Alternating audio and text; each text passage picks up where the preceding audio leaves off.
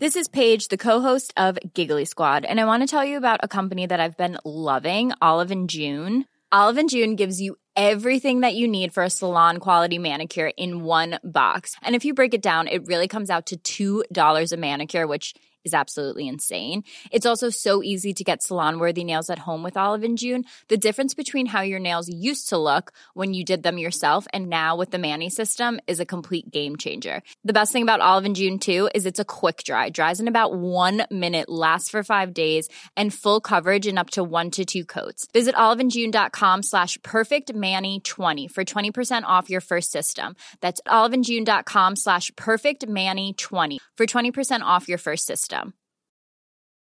Burrow is a furniture company known for timeless design and thoughtful construction and free shipping, and that extends to their outdoor collection. Their outdoor furniture is built to withstand the elements, featuring rust-proof stainless steel hardware, weather-ready teak, and quick-dry foam cushions. For Memorial Day, get 15% off your Burrow purchase at burrow.com slash ACAST and up to 25% off outdoor. That's up to 25% off outdoor furniture at burrow.com slash ACAST. There's never been a faster or easier way to start your weight loss journey than with PlushCare. PlushCare accepts most insurance plans and gives you online access to board-certified physicians who can prescribe FDA-approved weight loss medications like Wigovi and Zepbound for those who qualify. Take charge of your health and speak with a board-certified physician about a weight loss plan that's right for you. Get started today at plushcare.com slash weight loss. That's plushcare.com slash weight loss. plushcare.com slash weight loss.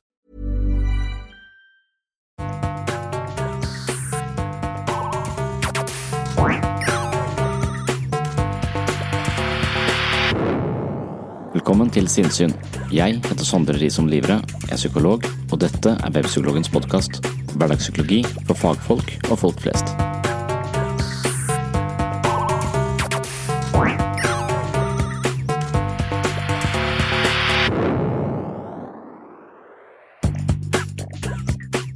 Forrige episode handlet om ensomhet.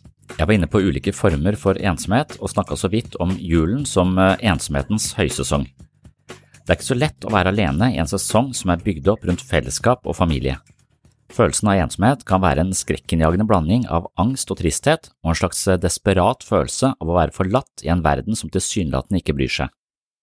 I dag skal jeg snakke om det motsatte. Det er forferdelig vanskelig å være ensom, men det er ikke så lett å være et parforhold heller. Konflikter i et parforhold har ikke nødvendigvis samme høye temperatur på skalaen for eksistensiell angst som ensomhet, men det kan være tøffe tak mellom mennesker som egentlig liker hverandre. Og spørsmålet er hvordan vi skal klare å vokse sammen snarere enn å gli fra hverandre. Hvordan skal vi løfte parforholdet opp til stadig bedre nivåer snarere enn å trekke hverandre ned? Når skal man jobbe videre med en vanskelig relasjon, og når skal man gi opp mens leken er god? Dette er også et aktuelt tema i julen, da vi gjerne skal tilbringe litt mer tid sammen med våre nærmeste enn vanlig. I tillegg er forventningene høye med hensyn til rolig musikk, harmoniske barn, lukten av pepperkaker og julestemning, men det er ikke uvanlig at dette bildet forstyrres av krangling og kaos. Julen skal ideelt sett være en fin høytid for raushet, familie og noen tanker om Jesus for de som er kristne, men for mange er julen en utrolig vanskelig tid. Det er vanskelig å være alene, og det kan være vanskelig å være tett på våre nærmeste. Det finnes sannsynligvis en liten harmonisk minoritet som mestrer den julen vi alle ønsker oss, men jeg tror et stort flertall følger mer på press og stress som reduserer evnen vi har til å koble oss på partner og familie på en god måte. Dagens episode skal handle om parforhold, og det skal handle om hvordan vi forstår denne konstellasjonen med et psykologisk blikk. Hva kan vi gjøre for å styrke parforholdet? Når bør vi satse på et parforhold? Det er mange spørsmål, og jeg håper jeg kommer innom de viktigste i løpet av den neste timen. Velkommen til en ny episode av Sinnsyn.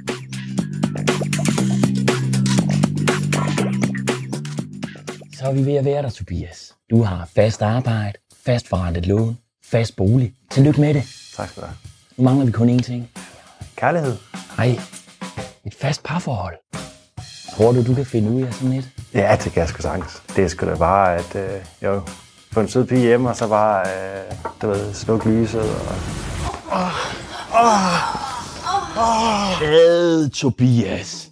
Det er urealistisk. Det vil jeg sige fast parforhold. Hvor har du fundet hende henne? Jamen, på Tinder.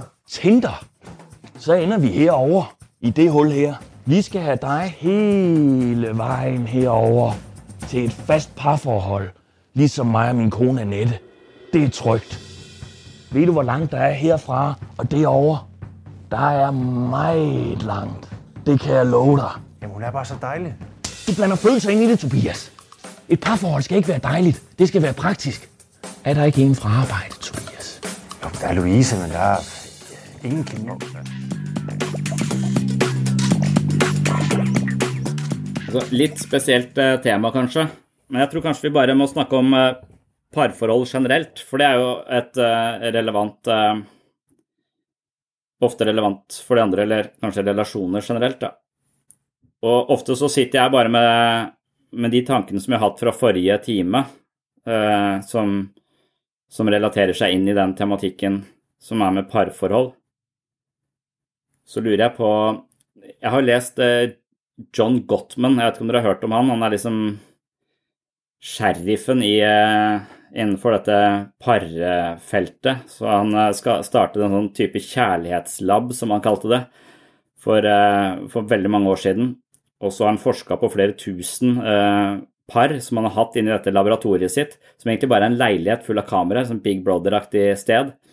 Og så har han identifisert ulike faktorer som, hvor han finner ut av hva styrker et parforhold, hva svekker et parforhold, hva kjennetegner de parforholdene som funker, hva kjennetegner de parforholdene som går til helvete. Og så har han identifisert en del sånne, eh, sånne faktorer. Og um, det er noen faktorer som, eh, som går igjen hos de para som ikke klarer seg.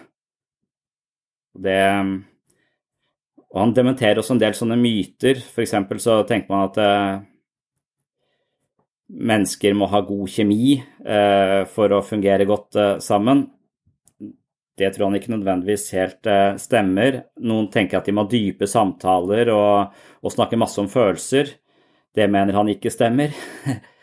Snarere tvert, tvert imot.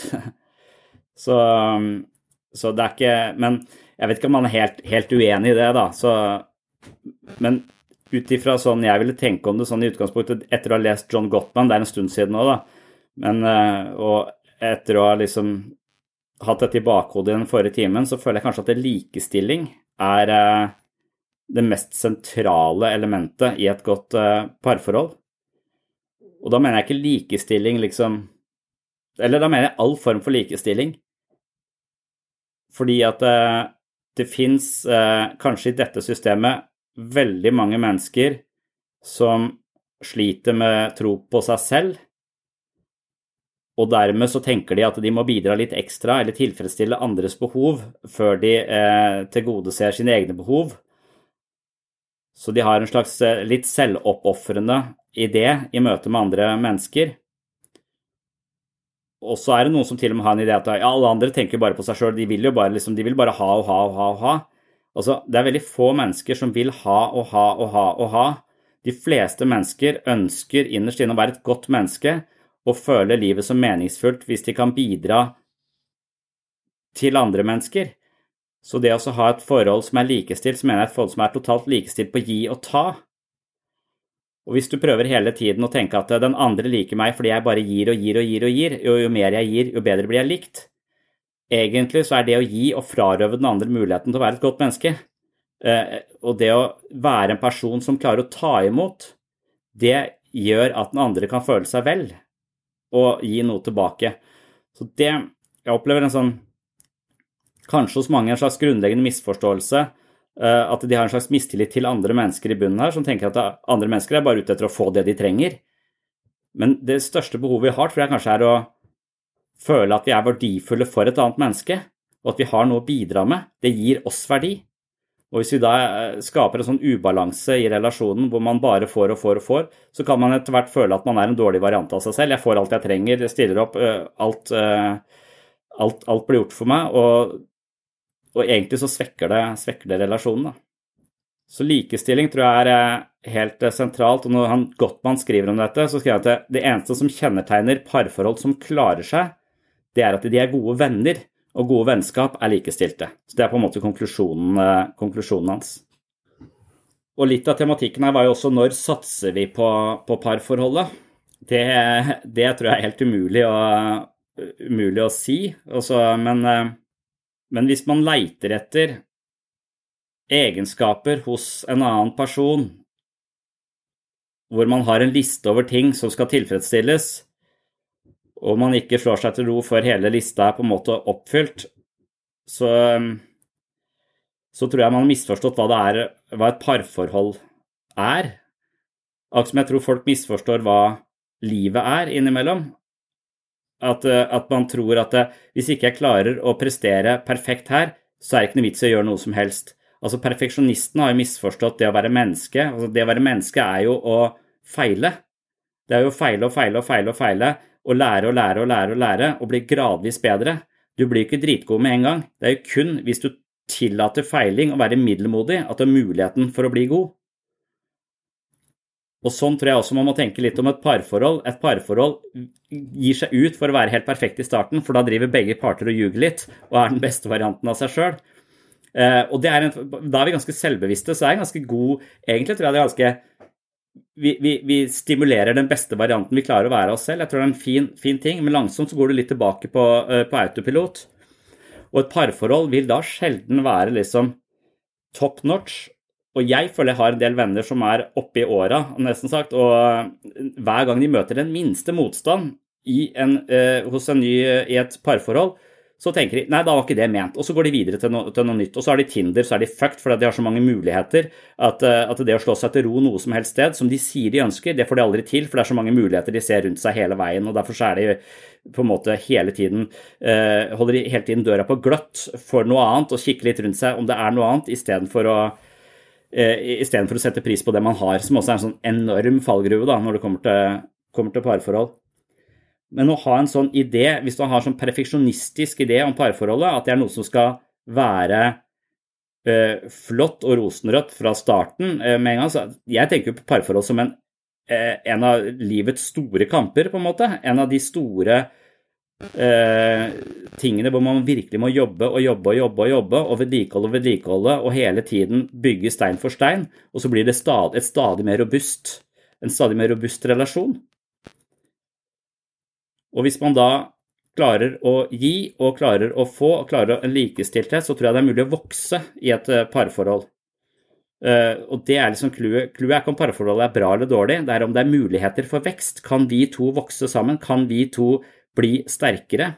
Uh, og hva kan jeg lære om meg selv i, i, møte med deg? Hva bør jeg korrigere for? Hva, ja.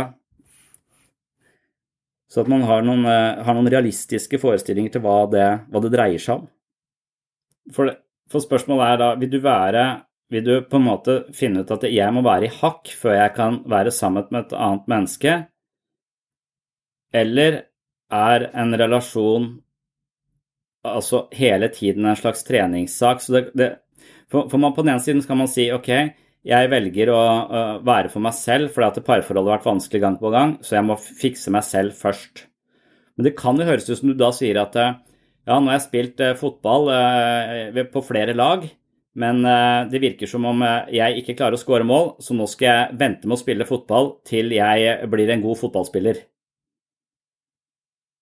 Og hvis du da slutter å spille fotball i påvente av å bli en god fotballspiller, så er det jo lite sannsynlig at du blir en god fotballspiller noe som helst, helst gang. Så heller se på for, for jeg, har lurt litt på den tanken selv, altså at ja, noen tenker at jeg må være for meg selv for å finne meg selv. Eller må liksom gå ut av um, Det finnes jo mange som har skrevet masse selvhjelpsbøker om det, sånn uh, Walden og Henry David Thoreau, som, som, er så redd for å bli sosialt gjennomtrengte og bli en slags uh, nikkedukke, eller rett og slett bare bli en sosial refleksjon og ikke ha noen egne tanker. Så de må flytte ut i skogen for å for å finne seg sjøl. Altså, hvis jeg er ute i skogen, så finner jeg ingenting. Eller jeg kan, jeg kan få ro og sånn, men det er jo i relasjon til andre at jeg blir kjent med meg selv. Det er jo der jeg lærer noe. Det er jo i andres øyne, andres blikk, andres måte å møte meg på og forstå meg på som gjør at jeg ser flere sider av meg selv. Det er jo gruppeterapi, jeg veit hvem jeg er. Um, så, så det å trekke seg unna for å finne seg selv, da tror jeg kanskje du blir mer borte. Eller det vet jeg ikke, men det, hvis, man på, hvis man ser på, et parforhold Altså man ikke ser på det som så vesensforskjellig fra vennskap, bortsett fra kanskje det, det, det intime Ja, for det er jo det som er Gottmann sitt poeng, er at eh, gode parforhold er gode vennskap. For jeg, for jeg tror kanskje jeg ser på Altså ser på som jeg, vi snakket om tidligere, at jeg ser på alle relasjoner som altså, Jeg tror det er veldig viktig at folk At mennesker samler på relasjonene sine i mental forstand. At man, man istedenfor å tenke at det, Sånn som jeg tenkte før, at jeg gadd ikke å bli kjent med, med folk i Kristiansand hvis jeg hadde tenkt å flytte tilbake til Oslo. Uh, uh, da gadd jeg ikke. Uh, for da, da, var det ikke noe vits i å investere i det. Men det jeg tenker annerledes om nå, jeg tenker vel at ethvert møte som jeg på en måte setter pris på, det kommer til å bo i meg. Og, om, og hvis jeg har møtt en person bare et par ganger, da, så vil det være en, en liten det vil, det vil, være en liten legokloss i hele mitt hus mens den selve grunnflata i huset mitt er kanskje den relasjonen som er tettest på meg, som er hun jeg er gift med. For det er den, det er den relasjonen som vi hele tiden bakser med, utvikler, hjelper hverandre. En slags sånn øh, Noe som du har i bånd, fordi at den har så høy kvantitet, at vi er så mye sammen, og vi klarer å jobbe med kvalitet, så blir det baseline. Sånn at, og noen vil kanskje klare seg da med masse gode vennskap som de prioriterer like høyt. Eh, det vet jeg ikke, men det er noe med den kontrakten, så ja, jeg, jeg, likte at Gottmann sa at et parforhold er som et vennskap, og så, og så, og så handler det om å og så handler det også om den følelsen av å ikke være Altså at noen andre prioriterer deg høyt, eller først, og at jeg prioriterer noen andre før meg selv. Det tror jeg også er det mest eh, en sånn sentral ting. Og kanskje det er litt det jeg føler at mine venner som ikke har slått seg ned altså at de, de har så mange krav, de har så mange behov. De skal jo spille golf uh, både uh, tirsdag og torsdag, og så skal de jo i herreklubben på fredag. Altså, de, de, kan jo De har ikke plass til noen andre folk i livet sitt, og de er liksom ikke villige heller til å gå på kompromiss med det. Og da tror jeg kanskje at det derre den følelsen jeg kan ha ved å ikke kunne gjøre alt jeg vil fordi jeg må prioritere noen andre foran meg sjøl, det gir livet mening. Se på, se på, et forhold som en samarbeidspartner eh, så, så, som kan potensielt sett vokse og bli noe veldig altså, Du har den derre stormforelskelsen i starten som, er, som, gir en sånn type eufori. Eh, men så kommer den liksom mer stilltiende klokekjærligheten, tror jeg, etter hvert. Som, som, ikke er så stormende, men som har helt andre, eh, andre kvaliteter. Og når jeg sier at eh, Og det er nok den derre kloke eh, kjærligheten, at, at, det er den som er liksom Jeg vet ikke hva det betyr, men at det er den som Altså, kloke kjærligheten kan vel sikkert være vennskap også, da. Og det er de vennskapene som eh, holder ut og løser konflikter istedenfor å avbryte vennskapet når det oppstår en, oppstår en, konflikt. Og det er så godt man sitt poeng at, det, at det gode parforhold er flinke til å løse konflikter.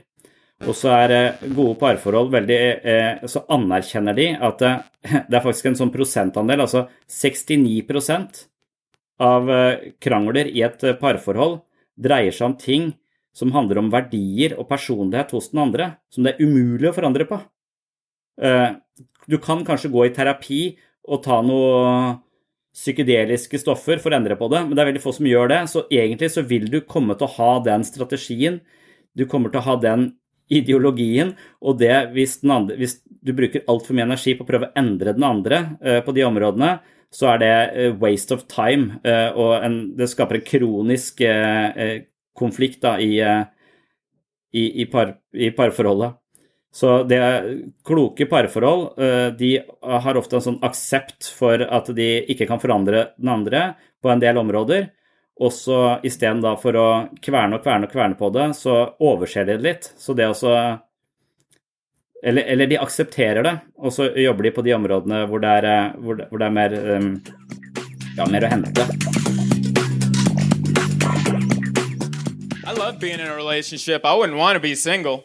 Uh uh I wouldn't want to be single today. That sucks. You got to be on Tinder or something to find somebody. If you don't know what Tinder is, it's an app on your phone that lets you know people in the area that your phone thinks you should have sex with. it shows you a little picture of them. And if you don't like the person, you just swipe over their face with your thumb. Isn't that cruel? That's someone's face. Just coming up on your phone like, huh? Is it me? Is it me you're looking for? No, gross, disgusting, yuck. That's so cruel. I've seen people on it, they barely even look, just yuck, ugh, ugh. Like, you didn't even read his bio. What if he juggled? You don't know. Give him a chance.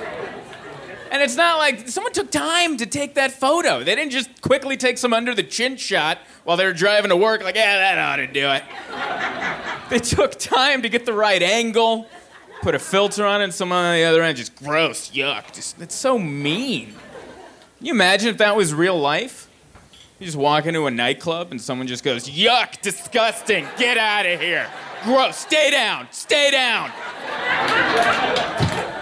That's terrible. I wonder if they tell you on that app how many times your face has been swiped over. Wouldn't that be terrible? Oh, you get off after a long day's work, you're like, let's see if I've made a connection with a human. Oh, my face has been swiped over 10,000 times today. What's that? Oh, a link on how to tie a noose. Great. That's why I'm happy to be in a relationship.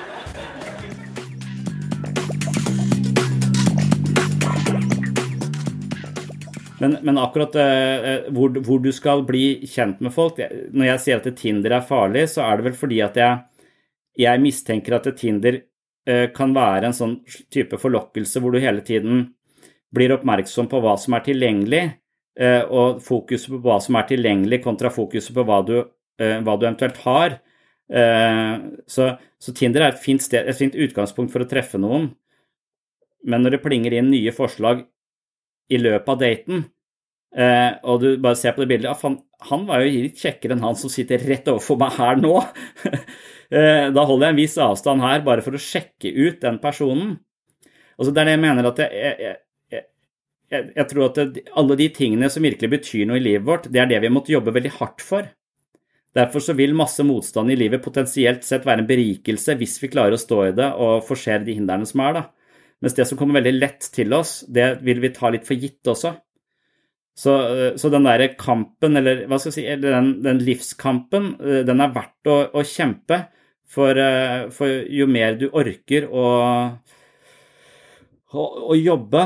Eh, og, og, hvis du da klarer å oppnå noe som er verdifullt, den mer kloke kjærligheten som ikke er så prangende, fordi du, for, du, du har skjønt at den der voldsomme forelskelsen, når den uteblir, så er ikke det fordi at dere ikke passer sammen, eller for det eller det eller det. Det er fordi dere er vidt forskjellige, men dere har muligheten til å vokse sammen eh, her sånn. Og det kommer til å være en jævla eh, tung, eh, og kanskje for noen lang og slitsom prosess.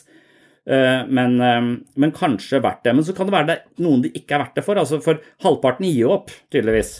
Halvparten skiller seg, cirka. Er det ikke sånn? Så, eh, og, og, det er ikke dermed sagt at jeg mener at alle skal bare jobbe og jobbe, og jobbe, for noen ting er sikkert dødfødt, men jeg vet ikke helt hva, hvordan man skal vite hvilke forhold som er dødfødt, og hvilke forhold som ikke er dødfødt. Og så har man Ja, det må man jo, det må man jo kunne da må man kjenne seg selv så godt, da, vite hvor mye mer kan jeg hente på dette, hvor mye av investering av dette forholdet som jeg ikke gjør, kunne jeg gjort? Altså, hva, hva er min hva, er det, hva slags forandringspotensial er det her? Det er litt som å forstå angst, da.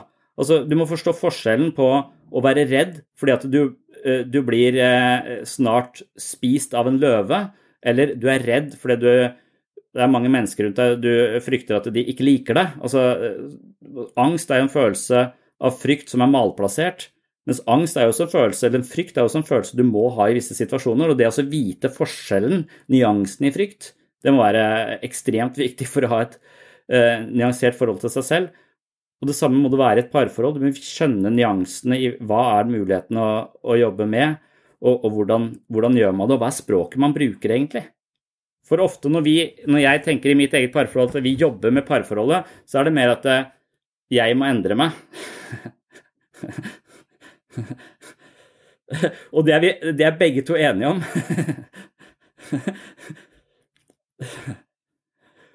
Og hvis du spør henne, så tenker jeg hun vil si det akkurat det samme. At hun opplever at jeg tenker at hun skal endre seg. ja, for det er, det rådet til han Barry Swatch, det er Uh, han skiller mellom to typer mennesker. Han sier det er maximizers og satisfiers. Og maximizers, det er de som hele tiden skal ha det beste. Uh, og de vil aldri slå seg til ro, fordi vi hele tiden leter etter er det noe som er bedre, er det noe som er bedre. Og de bruker enormt med energi på å um, hele tiden skulle finne det beste. Mens en satisfier den sier at uh, hvis det tilfredsstiller de og de kriteriene, så er jeg fornøyd. Og så slutter de å se etter noe som er bedre. Og da vil de også ha mye høyere kvalitet, vil være fornøyd med det de har, istedenfor å ha fokuset på det de ikke har, uh, og som, som, da rett og slett drenerer det de har for verdi. da. Og I et parforhold så er det ekstremt viktig kanskje å være en, en satisfier. En som uh, finner for, for, hvis den kloke kjærligheten er noe som dukker opp langt, langt hen av veien etter mange strabaser og mye uh, og, og, mange runder, så vil jo en, en maximizer gå, ofte gå glipp av det. For hvis de ikke avslutter den relasjonen fordi at de har funnet en som er uh, penere, smartere, høyere utdanna, avhengig av hva man setter som kriterier for at man skal være sammen med et annet menneske, da. Så så det må være veldig viktig å, å for, for, hver gang du ser etter noe andre, eller ser etter feil hos den andre, så vil tvilen komme inn. Og jeg tror tvilen bare slår alt som er verdifullt, i hjel. Det tror jeg gjelder på oss sjøl, det gjelder på alle mulige. Så hvis folk kan slutte å tvile, så tror jeg man har kommet veldig, veldig langt. For tvilen er så giftig.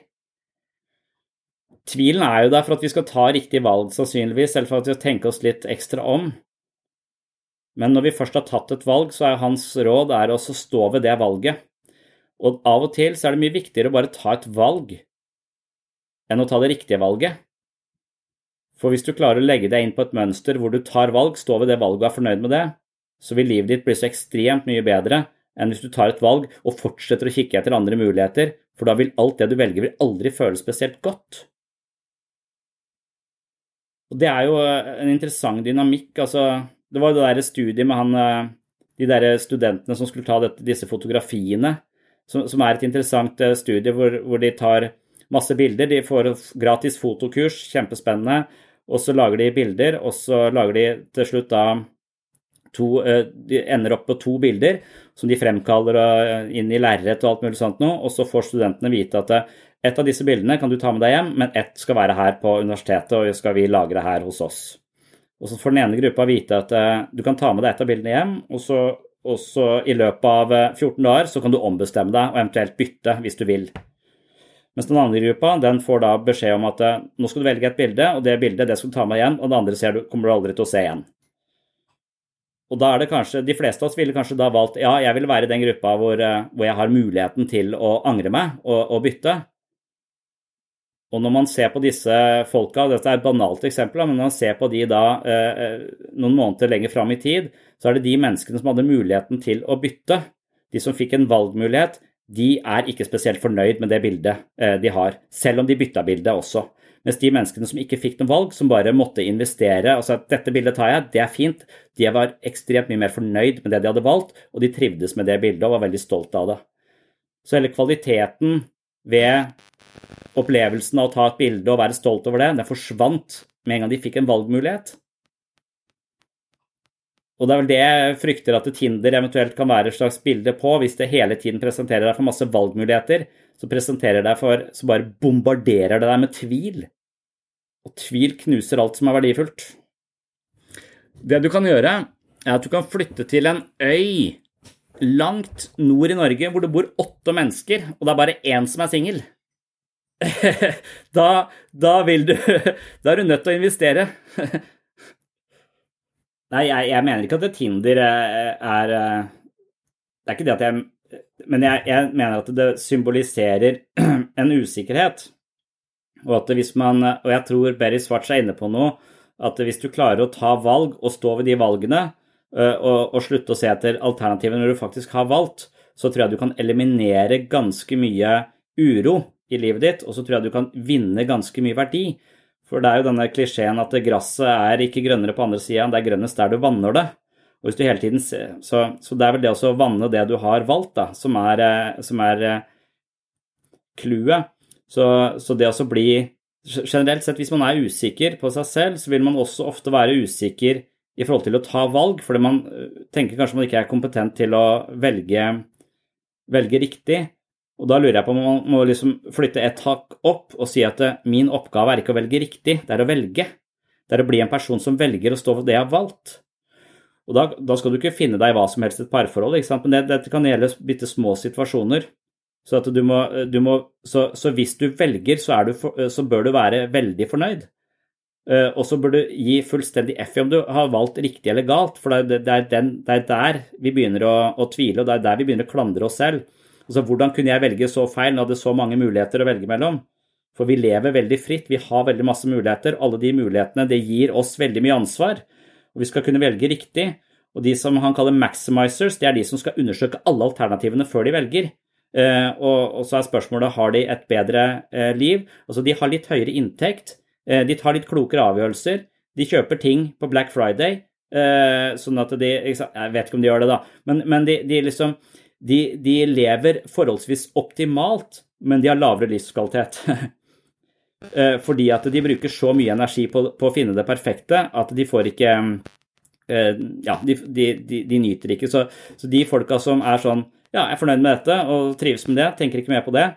De, de, har det generelt sett litt bedre i livet sitt. De er litt mer fornøyd med det de har, men de har litt lavere lønn. Sånn generelt, det er studiene til Berry Swatch. Eh, det er, men det er en slags holdning da, til, eh, til uh, livet.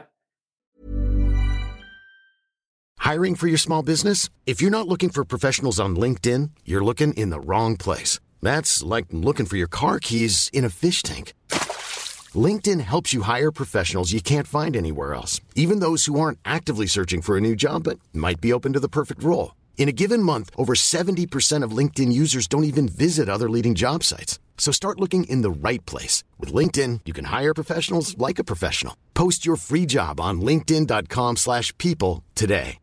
Hey, Dave. Yeah, Randy. Since we founded Bombus, we've always said our socks, underwear, and T-shirts are super soft. Any new ideas? Maybe sublimely soft. Or disgustingly cozy. Wait, what? I got it. Bombus Absurdly comfortable essentials for yourself and for those facing homelessness. Because one purchased equals one donated. Wow, did we just write an ad? Yes. Bombas. Big comfort for everyone. Go to bombas.com slash ACAST and use code ACAST for 20% off your first purchase. Many of us have those stubborn pounds that seem impossible to lose, no matter how good we eat or how hard we work out. My solution is PlushCare PlushCare is a leading telehealth provider with doctors who are there for you day and night to partner with you in your weight loss journey. They can prescribe FDA-approved weight loss medications like Wagovi and Zepbound for those who qualify. Plus, they accept most insurance plans. To get started, visit plushcare.com slash weight loss. That's plushcare.com slash weight loss. Og jeg bare føler at dette var veldig viktig for meg når jeg leste den boka til Berry Svart, for jeg tenkte Jeg har nok vært en person som har tvilt mye når jeg var yngre, som en del av en usikkerhet, og etter hvert når jeg aktivt gikk inn for å slutte å tvile så mye, så, så syns jeg at det Altså, livskvaliteten økte med ganske mange prosent. Usikkerhet, liksom og jeg er fra Østlandet, skal jeg bo her på Sørlandet? Er Sørlandet lukka? Så dere, også vurderer om jeg skulle eller ikke skulle, hvor, alle de der valgene. Eh, jeg har slutta å, å, dvele ved alt sånt nå. Um, og det Jeg vet ikke hvordan jeg gjorde det, eller, men det kommer kanskje bare med etter hvert. Eh, men, men, jeg tror vi skal være i hvert fall litt, At det er en livsfelle her, da.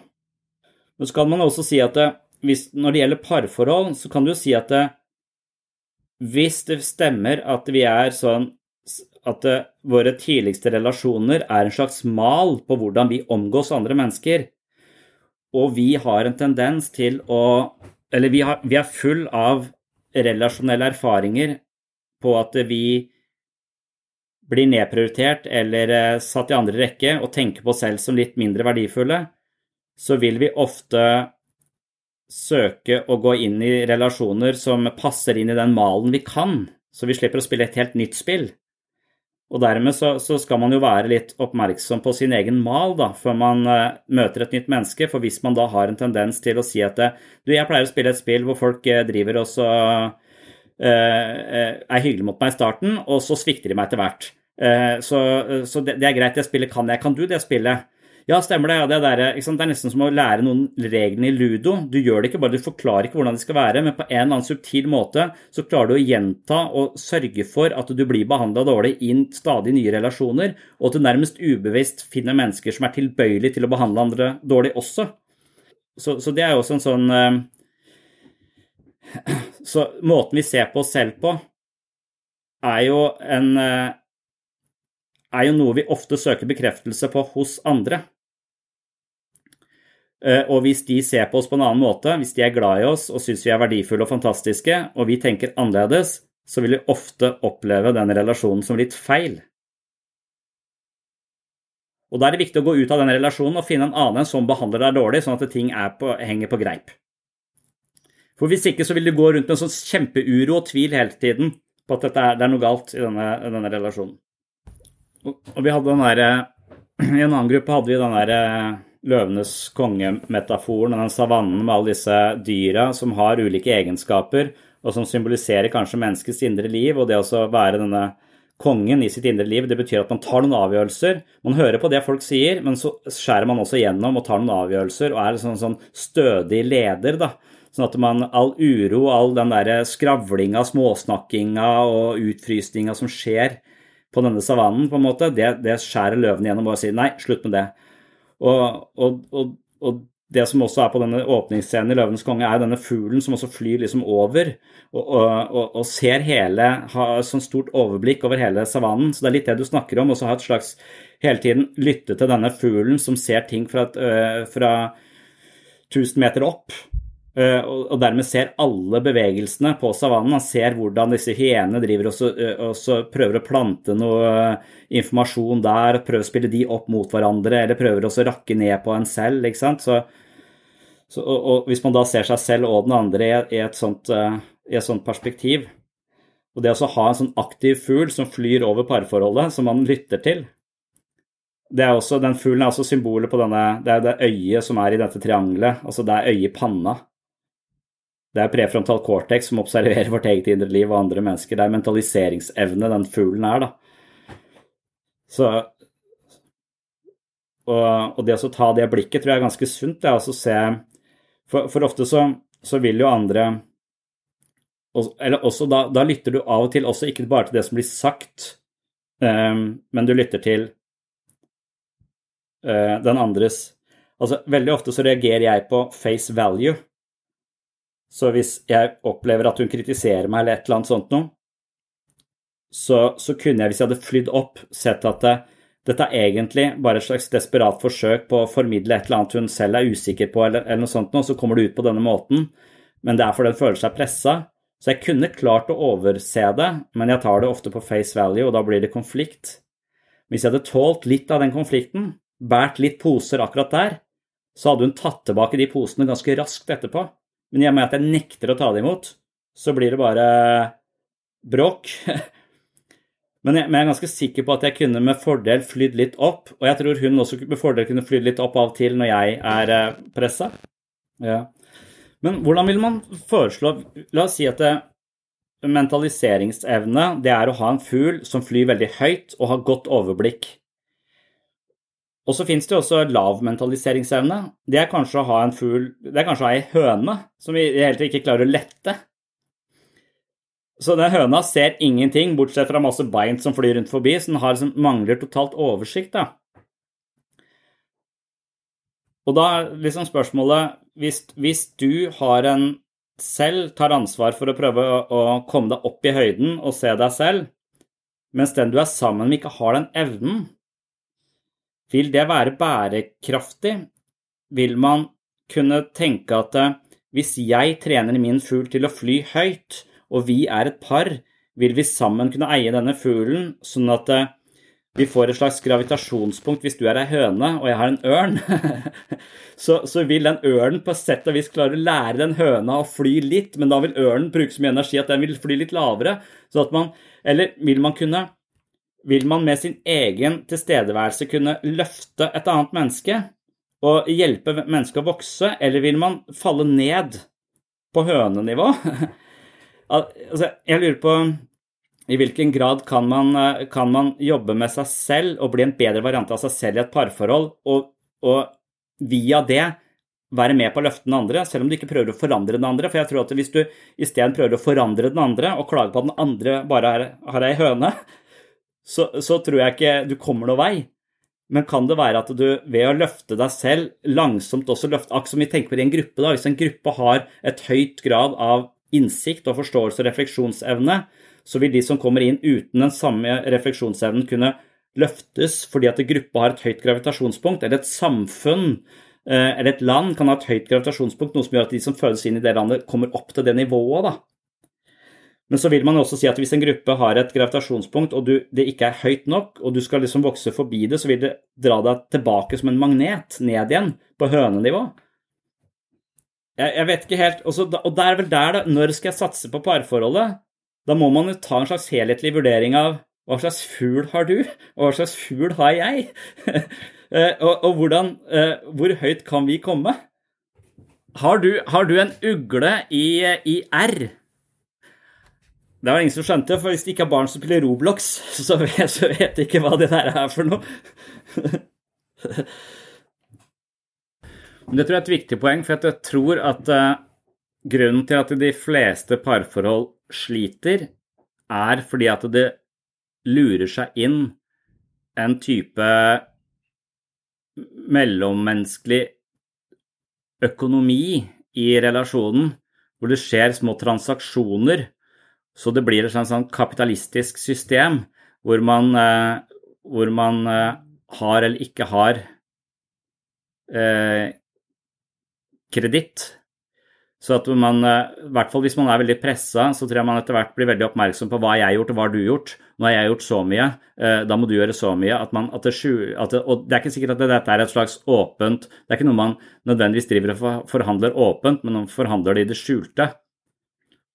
Vi har snakket om det i en tidligere gruppe, med at eh, han Fredde fra Solside han driver med Cuscados eller et eller annet sånt, at det er en sånn eh, parforholdsvaluta som alle parforhold har og så kan du bygge deg opp så og så mange Cuscados, for da kan du spille golf på fredag. Men eh, så hvis jeg tar barna på mandag-tirsdag, så, har jeg bygd opp nok kred til det. Um, så at, at, man driver sånn og små um, ja, spare på hver sin side, at det blir en type At da sniker det seg inn en konkurrerende relasjon istedenfor et samarbeid. Det er ikke sikkert men jeg tror, jeg tror i hvert fall det er i hvert fall vanligvis et parforhold veldig pressa, så tror jeg lett at det, det kan komme, komme, inn som en sånn Ja.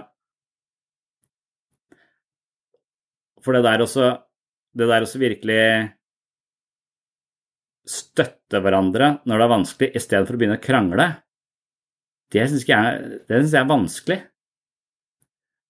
Det, det, og jeg har jo sagt før at jeg syns det ligner på de skrekkfilmene. At det, hver gang de skal inn i det mørke, verste, jævlige huset hvor alle monstrene bor, så bestemmer de seg for å gå hver sin vei. Faen, det er jo Det er jo totalt kjøtthue. Altså, du må jo for guds skyld ikke gå fra hverandre her inne, da veit de hva som skjer. Hvis dere kan holde sammen, så Men det er ikke som at de bare ja, for meg så blir det bare teit i, i, i skrekkfilmer at de alltid skal gå Ja, så går du og kikker på loftet, og så går jeg i kjelleren. Ja, lurt! Kan dere ikke gå sammen, da, for faen? Så, men det er jo litt det samme man gjør. Altså, når vi virkelig trenger hverandre, så kan jeg få en fornemmelse av at vi går hver vår vei isteden. Og det er liksom så paradoksalt. Ja, det er en av de mytene som, som liksom klinger veldig hos meg, da. Uh, fordi at uh, jeg liker akkurat, jeg, vet jeg vet ikke om jeg tenker på den samme myten fra Gottmann, men han sier dette med at uh, de fleste sånne parterapeuter snakker om at man skal være veldig sånn hva skal man si, affektbevisst. da, og, og Jeg kan ikke nok om affektbevissthet eller emosjonsfokusert terapi til å, til å si det, men, men, jeg har et inntrykk at man skal liksom hele tiden ha fokus på å validere den andres følelser, prøve å lytte uten uh, å være fordomsfull, være åpen, og så prøve å bekrefte den andres følelser og se om man har forstått det riktig, for så å si hva man selv mener. Og det mener Gottmann, det funker ikke. uh, og uh, Syns du virker lurt? Ja, men at det Jeg, jeg skjønner uh, at det er en god strategi hvis du er Dalai Lama. Men jeg tror ikke vi er det. Altså, jeg tror at med en gang jeg skal prøve å gjøre det, så kommer jeg til å spille et forferdelig falskt og ekkelt skuespill. Fordi min egentlige følelse er irritasjon. Mens jeg er denne vennlige, hyggelige Sier du det, ja? Men meg, har jeg forstått det på den riktige måten? Altså, jeg, jeg tror jeg blir falsk.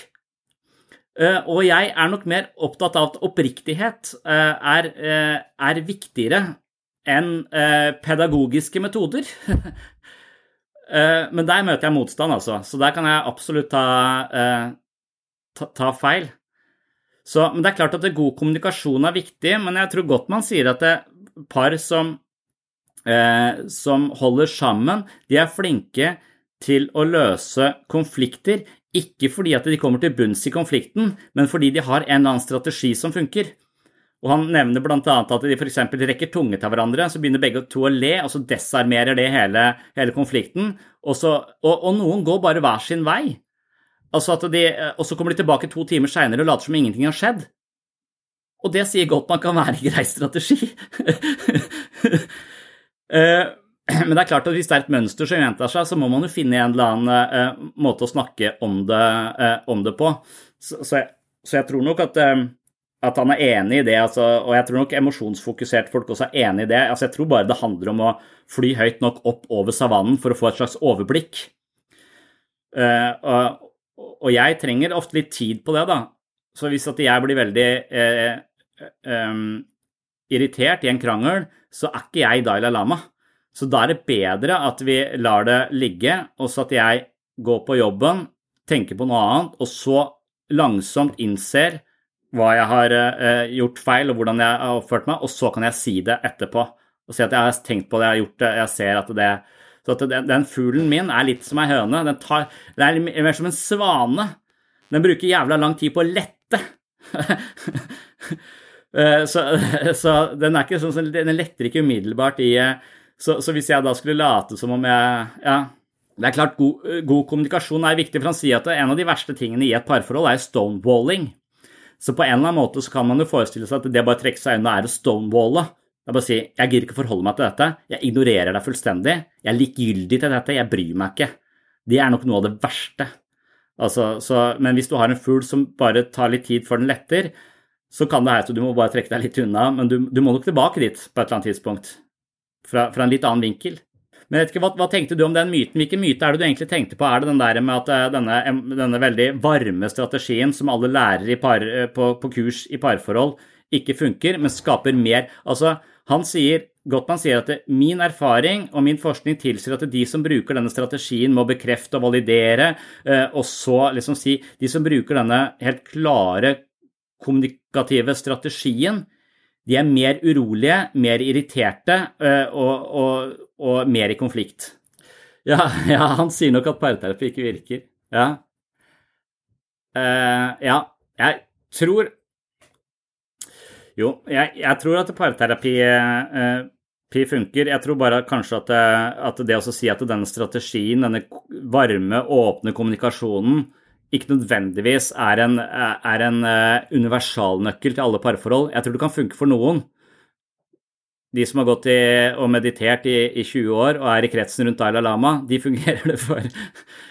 Uh, nei da, ikke sant, det kan godt fungere for mange, men jeg tror nok at et parterapi vil jo alltid bare være å, å innse at uh, vi to har ei høne, og vi trenger en ørn. Og parterapeuten er jo ørnen. Parterapeuten er det. Parterapeuten trenger ikke kunne noe, den trenger bare å være et blikk utenfra. Sånn at vi kobler inn et, et høyere et, et, eh, et, blikk på oss selv. Så jeg tror at parterapi absolutt uh, fungerer. Hvis man har to høner, kan man låne seg en ørn. ja, og en ørn er en parterapeut. Eh, da kan du gå til Dag, ikke sant, og så får Dag satt ting litt i perspektiv. Se på dere selv, dere er jævla patetiske. det er det Det, det, det er Dag sin strategi. Beatrice, du er jo en snart 16 år gammel kvinne som er sammen med et barn. ok? Jørn er et barn. Du kan ikke tvinge gutten til å ha sex med deg når han åpenbart ikke engang vet hva det er for noe. Hvorfor er du ikke sammen med noen på din egen alder? Herregud, når jeg var 16 år, det eneste jeg tenkte på, var jo sex.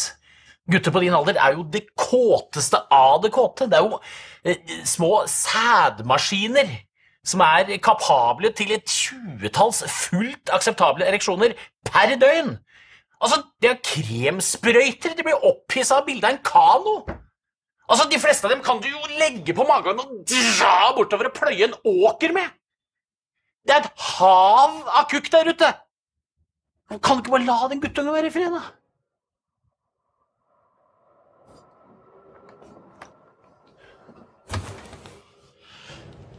Det var ikke meninga å dra på så hardt, altså. Det var ikke det.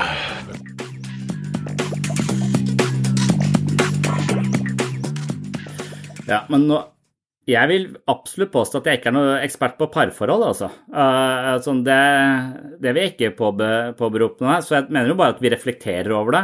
For jeg må si at det, den emosjonsfokuserte strategien sannsynligvis også har en uh, har en berettigelse, og at den kan fungere for mange. Men, men med en gang du på en eller annen måte bare skjuler din egentlige følelse og gjør det, det som er riktig der og da, så tror jeg du legger en slags, slags eh, lag av falskhet over relasjonen. Det tror jeg han også nevner som en, som en, faktor i parforhold. At kritikk Han sier at det er sånne fire sorte ryttere for hva som gjør at et parforhold går til helvete, og det er kritikk, det er forakt uh, Ja, jeg husker ikke alle, men det kalles vel ad hominem-argumenter. Altså at du, du, du går ikke på sak, men du går på person. Uh, og det, det, er nok en sånn giftig ting at uh, hvis det er en uoverensstemmelse, så har vi lett for å gå ned på person og ikke diskutere Det, er jo det som var min største erfaring med å være i menigheter, f.eks., at, jeg, at jeg lærte meg å skille mellom person og mening i mye større grad. Sånn, at jeg, sånn, at jeg, liksom kan være virkelig glad i de folka som jeg møter der, på på tross av de store meningsforskjellene. Og grunnen til at jeg røyk uklar med meningsmotstandere, var at jeg plutselig begynte med mer sånn Ja, hvor dum er du som tror på det? For at jeg, jeg går ikke på Jeg går, jeg går på person. En slags person Og så hvis, hvis, du ikke har innsikt i saken, så vil du ofte bare gå ned på et hvis, Eh, på, på personen. Hvis du ikke har overblikk over savannen, så vil du ofte gå, gå i krangel med enkeltelementer på denne. Du har ikke noe overblikk. Donald Trump, han diskuterer aldri sak, han diskuterer kun uh, Han har kun ad hominem-argumenter mot, uh, mot andre på hvordan de er uh, gamle eller late eller teite eller dumme eller Ikke sant. Han, det, han, har ingen, han har ingen egentlig politiske argumenter, han har kun Eh, trakassering av andre mennesker som strategi. Funker jo som faen, det, da.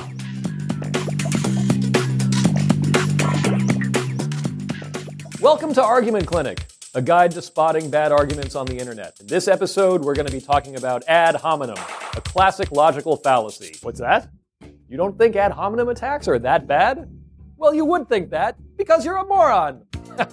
I'm kidding. Of course, you're not a moron. I'm just demonstrating an ad hominem attack which means trying to refute an argument by attacking the character of the person making it, rather than the logic or premise of the argument itself.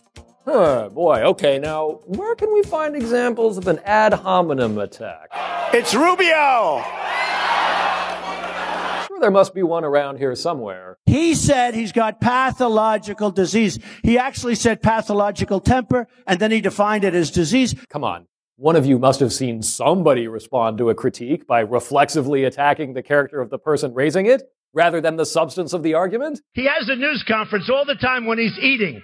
I have never seen a human being eat in such a disgusting fashion. Okay. To be fair, it is not just President Trump who resorts to ad hominem attacks. Anytime someone dismisses a protester by saying they're paid by George Soros, or argues that anyone who supports Trump's immigration policy is racist, they're using an ad hominem attack. Take a look at any comment section and you'll find tons of ad hominem attacks. Ad hominem attacks are not always wrong. Sometimes the character of the person making an argument is in fact directly related to that argument. If, for instance, they're making an argument based on their own authority and they don't have any. If my buddy Daniel tells me that he learned in med school that it's totally healthy to eat seven pounds of beef stroganoff a day, it would be perfectly valid for me to point out that he never actually went to medical school and is, in fact, an electrician. But for the most part, people make ad hominem attacks to avoid the argument altogether.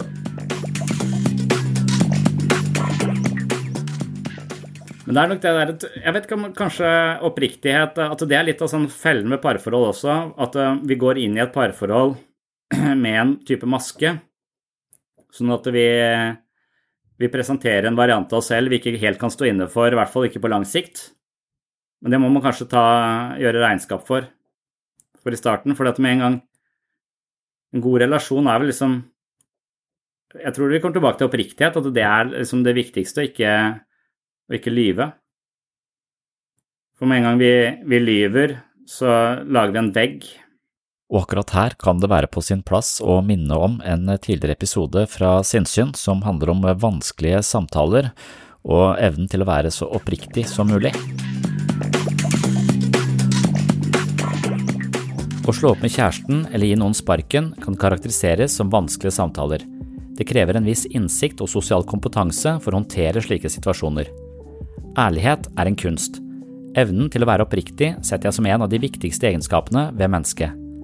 Dessverre er det slik at vi altfor ofte tar små snarveier for å komme oss lettere unna en situasjon. Vi serverer små løgner for å opprettholde en god stemning, men prisen vi betaler kan være høy på sikt. Når vi tilstreber å snakke sant så langt det lar seg gjøre, vil det vi sier veie tyngre. Vi blir sett på som troverdige, forbundet med integritet, stabilitet og ærlighet. Vi blir et menneske som andre kan stole på, og vi blir et menneske som kan stole på seg selv. Noe jeg hevder er en vesentlig del av god selvfølelse. I episode 61 på Sinnsyn oppsummerer jeg en bok som guider deg gjennom de vanskelige samtalene. Hvordan gjør man det, eller hvordan våger man det? Hvis ærlighet er en kunst, er det kanskje noe man må praktisere for å beherske på en god måte. Det er ingen lett oppgave. Men da er vi i en, en situasjon hvor hvor man, eh, hvor man i størst mulig grad av oppriktighet og selvinnsikt har best utgangspunkt for å skape en god relasjon. Mens man eh, kanskje, de fleste av oss, har en eller annen underliggende forståelse for at vi har en del skavanker, feil og mangler som vi eventuelt prøver å, å skjule. Med en gang vi har den agendaen, så har vi også så har vi lagt inn på en sånn type mellommenneskelig spill som ikke helt skaper nærhet, men skaper eh, skaper en mer sånn regissert form for samhandling. Og når vi er i den regisserte formen for samhandling, så, så, vil vi egentlig ikke kjenne hverandre helt, og vi vil også være litt anst... Vi vil også være litt lite avslappa sammen med den andre personen. Så jeg selv mener jo at det tok liksom Jeg vet ikke hvor mange år, men veldig mange år før jeg øh, klarte å være Altså jeg hadde sånn behov for å være alene, for at jeg er ganske introvert. Men, altså, men, men, etter hvert nå så kan jeg være alene sammen med hunden jeg er gift med. Altså at det, det er Det blir så Jeg kan slappe like mye av. Jeg trenger ikke å være noe. Uh, så, jeg, så, så den der gjennomsiktigheten, at man kan være helt gjennomsiktig sammen med et annet menneske, det syns jeg har brukt årevis på. Det har jeg snakket i mange år. Uh, men man, noen klarer jo det fort, da. Og etter hvert så ser jeg på det som kanskje at, at, behovet mitt for å være mindre aleine nå enn før, er at jeg også er mer gjennomsiktig. At det er mye lettere for meg å være um, ja, eh, mer, mer, oppriktig etter hvert som man enten blir eldre eller tryggere på seg selv, eller hva, hva, det, hva det, er. Men, men, med en gang man går inn med en sånn type agenda i en relasjon, du skal like meg, så føler jeg at man legger inn på en type mellommenneskelig spill det ligger vel liksom i selve datingsettinga. Det er så mange sånne relasjoner i samfunnet som Én ting er de private relasjonene vi har, som ofte er behefta med sånne regisserte eh, spillregler, men alle de andre, sånne barnevernet eksempel. Altså Barnevernet kommer inn, og vi skal ha en god relasjon til foreldrene, og så skal vi observere om dere er gode nok foreldre. Altså Det er så mange betingelser i den relasjonen som fucker opp hele det samspillet der, sånn, som gjør det til en total unaturlig eh, eh setting. Og så skal man da liksom prøve å være så finne fram til noe oppriktig og fornuftig og ærlig i denne, i denne samhandlinga som er liksom så, så, konstruert i utgangspunktet. Jeg syns mange sånne møter er sånn konstruerte. Møter hos Nav er konstruerte. Det er ulike agendaer, ulike Vi sier Det er som å være hos en i, være i en eller annen hos en, en rettssal hvor du skal holde tett, korta tett til brystet, liksom fordi du har gjort noe gærent, og så har du en advokat som snakker for deg og prøver å ljuge på best mulig måte. Den typen relasjoner er slitsomme, og hvis vi føler at vi må gå rundt og skjule oss selv, så har vi det kanskje alltid sånn. At vi hele tiden har en advokat som snakker på vegne av oss. Her er min politiker, eh, jeg er sånn og sånn, liker du Ja. Da er vel i hvert fall vår erfaring da, fra gruppeterapi at eh, med en gang folk slutter å spille det sosiale spillet på en eller annen måte, så øker respekten vår for det mennesket, medfølelsen for det mennesket øker, og hvor glad vi er i det mennesket, øker. Så jo mindre sosialt spill, jo mer oppriktighet, selv om den oppriktigheten kan være 'jeg er sånn og sånn', 'jeg tenker sånn og sånn', 'jeg er egoistisk da og da'. Når du ser det selv, så har jeg stor respekt for deg, fordi du har ansvar for det, du ser det, og jeg liker deg som menneske. Og det er liksom sånn eh, det er, så, det er så fortærende at den, den derre ideen om at vi bør ha på oss en sånn fremtre på en mest mulig sånn flott måte, er det folk, andre folk liker, eller eh, anser som mest attraktivt. Mens alle de karakterene vi liker å se på TV, de er motsatt. Bridget Jones nå kan jeg ikke akkurat huske den filmen, så er ikke det en sånn veldig sånn rotete eh, jente som liksom gjør masse sånn klønete ting? Og altså, jeg, hun er jo populær fordi hun virker Selv om det er veldig regissert, da, så er det vel fordi at hun fremstår som eh, At hun viser alle sånne typiske menneskelige feil som vi kjenner igjen, og hun tør å være åpen om det, så blir hun en sånn elskverdig karakter. Ikke en karakter vi ser ned på heller. En kul karakter. At times like this, continuing with one's life seems impossible, and eating the entire contents of one's fridge seems inevitable. I have two choices to give up and accept permanent state of spinsterhood and eventual eating or not. And this time I choose not. I will not be defeated by a bad man and an American stick insect. Instead, I choose vodka and Chaka Khan.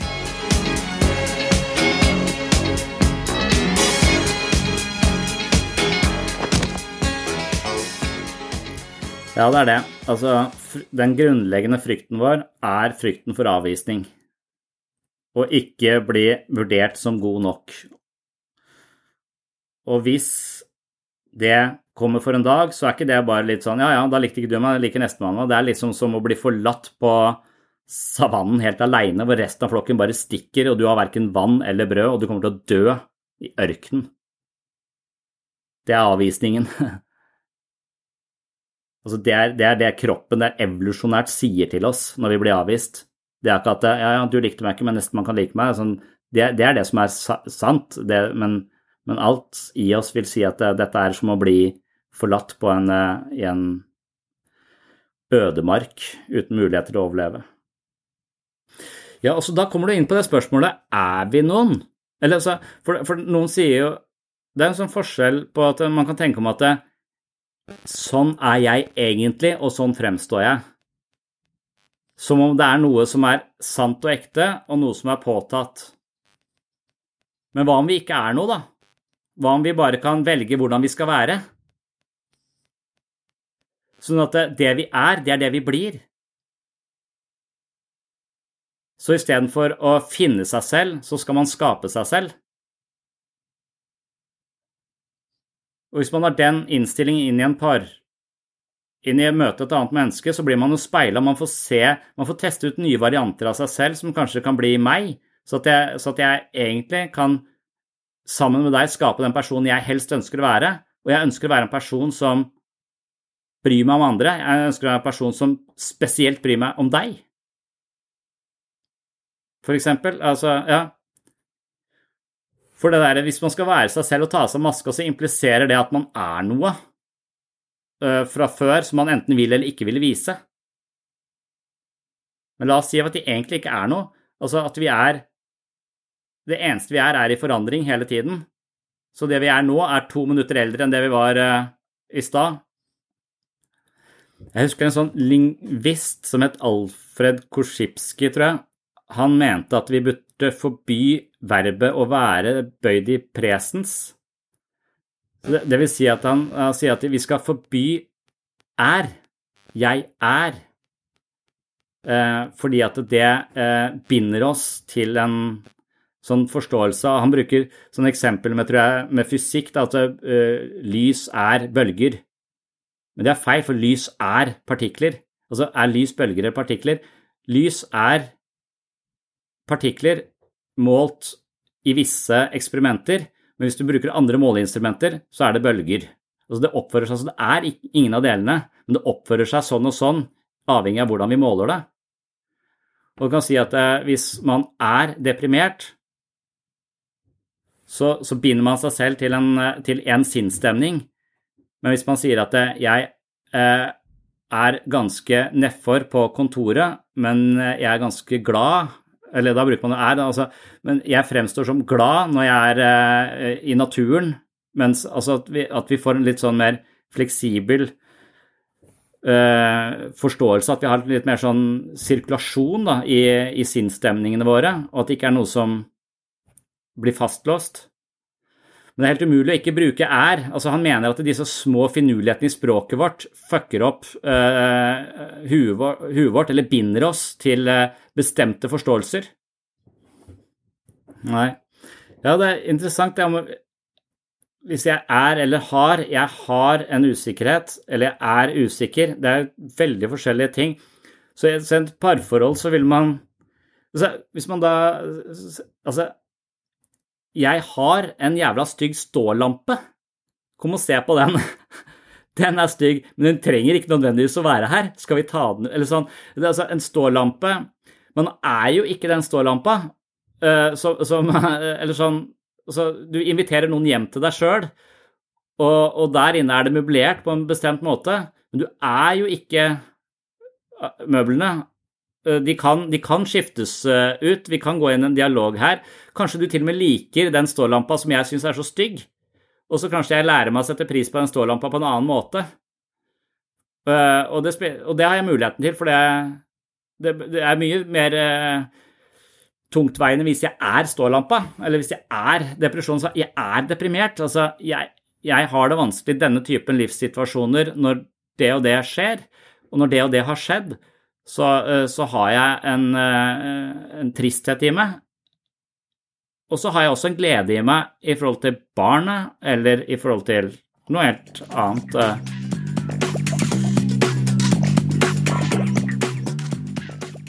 Et parforhold skal ikke være dejligt. Det skal være praktisk. Er der ikke en fra arbejde, Tobias? Jo, der er Louise, men der er ingen kemi. Oh, ja. Det er der, der arbejder nede i printer, ikke? Nej, Nej, jeg er nede i receptionen. Nå ja, så er der havremælk nu. Hvorfor er der ikke noget sødmælk med? Jeg synes egentlig, at havremælk smager meget godt. Jeg er glad for, at sødmælken er væk, faktisk. Hov, nu kommer jeg til at... Øh... Nej, så hvis du, du får den her så. Ja, jeg skulle ikke have, jeg skulle ikke have mælk i. Jamen, kan du ikke lide havremælk? Nej, jeg vil have den sort. Perfekt. Jamen, vi taler fuldstændig forbi hinanden. Endnu bedre. Kommer faktisk sådan en lille smule på nerverne hun gør. Flyt sammen med hende. Hvorfor skulle jeg det? Økonomi. Og så skulle vi selvfølgelig spare en masse penge. Mange penge. Så kan vi rejse til New York. Jeg har altså haft lyst til at tage til New York. Nej, det er alt for spontant. Ved du, hvor I skal hen? Nej. I skal til Hamida. Med, med hvem? Mig og Annette.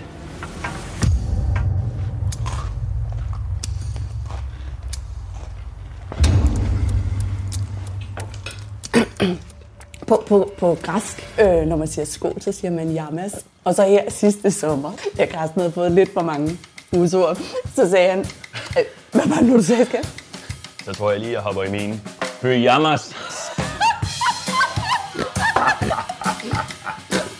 var sådan noget, han finder på.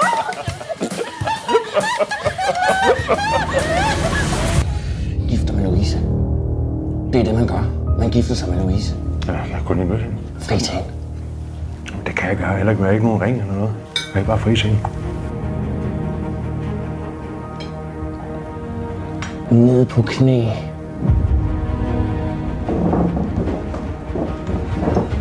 Længere ned. Helt ned. Louise? Louise? Vil, vil du gifte dig med mig?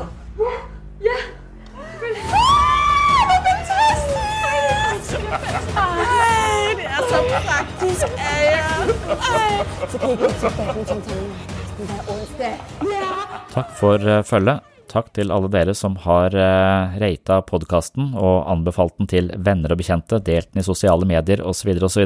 Det setter jeg stor pris på, og tusen hjertelig takk til dere som er patron-supportere av Sinnsyn. På patron.com sinnssyn så kan du også få et uh, abonnement på Sinnsyn, hvor du får en del ekstramateriale hver måned. Jeg leser bøkene mine opp som lydbøker, og jeg legger ut eh, små øvelser eh, i slutten av hver måned, og en del annet, eh, andre ting, eksempel en del videomateriell osv. Så, videre. så Patron er altså for de som finner verdi her på sinnssyn og har muligheten til å støtte prosjektet med et mer eller mindre selvvalgt beløp i måneden. Det hjelper meg å holde hjula i gang her og kunne fortsette å lage episoder hver uke. Så tusen hjertelig takk til eh, ganske mange av dere som nå har eh, blitt Patron-supportere. Det setter jeg utrolig stor pris på, og det hjelper dette prosjektet veldig. Så tusen takk for det. Det var det jeg hadde i denne omgang om eh, parforhold. Så når vi går nå inn i jula, eller vi er jo godt inne i jula, så må vi da være oppmerksom på at det er ganske tungt å være aleine, så da kan vi kanskje strekke ut en hånd til de, men så kan det være ganske tøft å være for tett på også, så her er det damned if you do and you damned if you don't. Det gjelder å finne en eller annen passe balanse mellom avstand og nærhet, og det gjelder å hjelpe de folka rundt oss som eh, er eh, langt unna og kanskje trenger en hånd, og det gjelder å ha en eller annen fugl som flyr over og har et slags overvåkent blikk på relasjonen til våre nærmeste, både barn og partner og svigerforeldre osv. osv. Så det er ikke bare bare, men eh, det er jo en, en anstrengelse som er verdt å gjøre, da. Så vi får ta det med oss inn i høytiden, og på gjenhør i neste episode.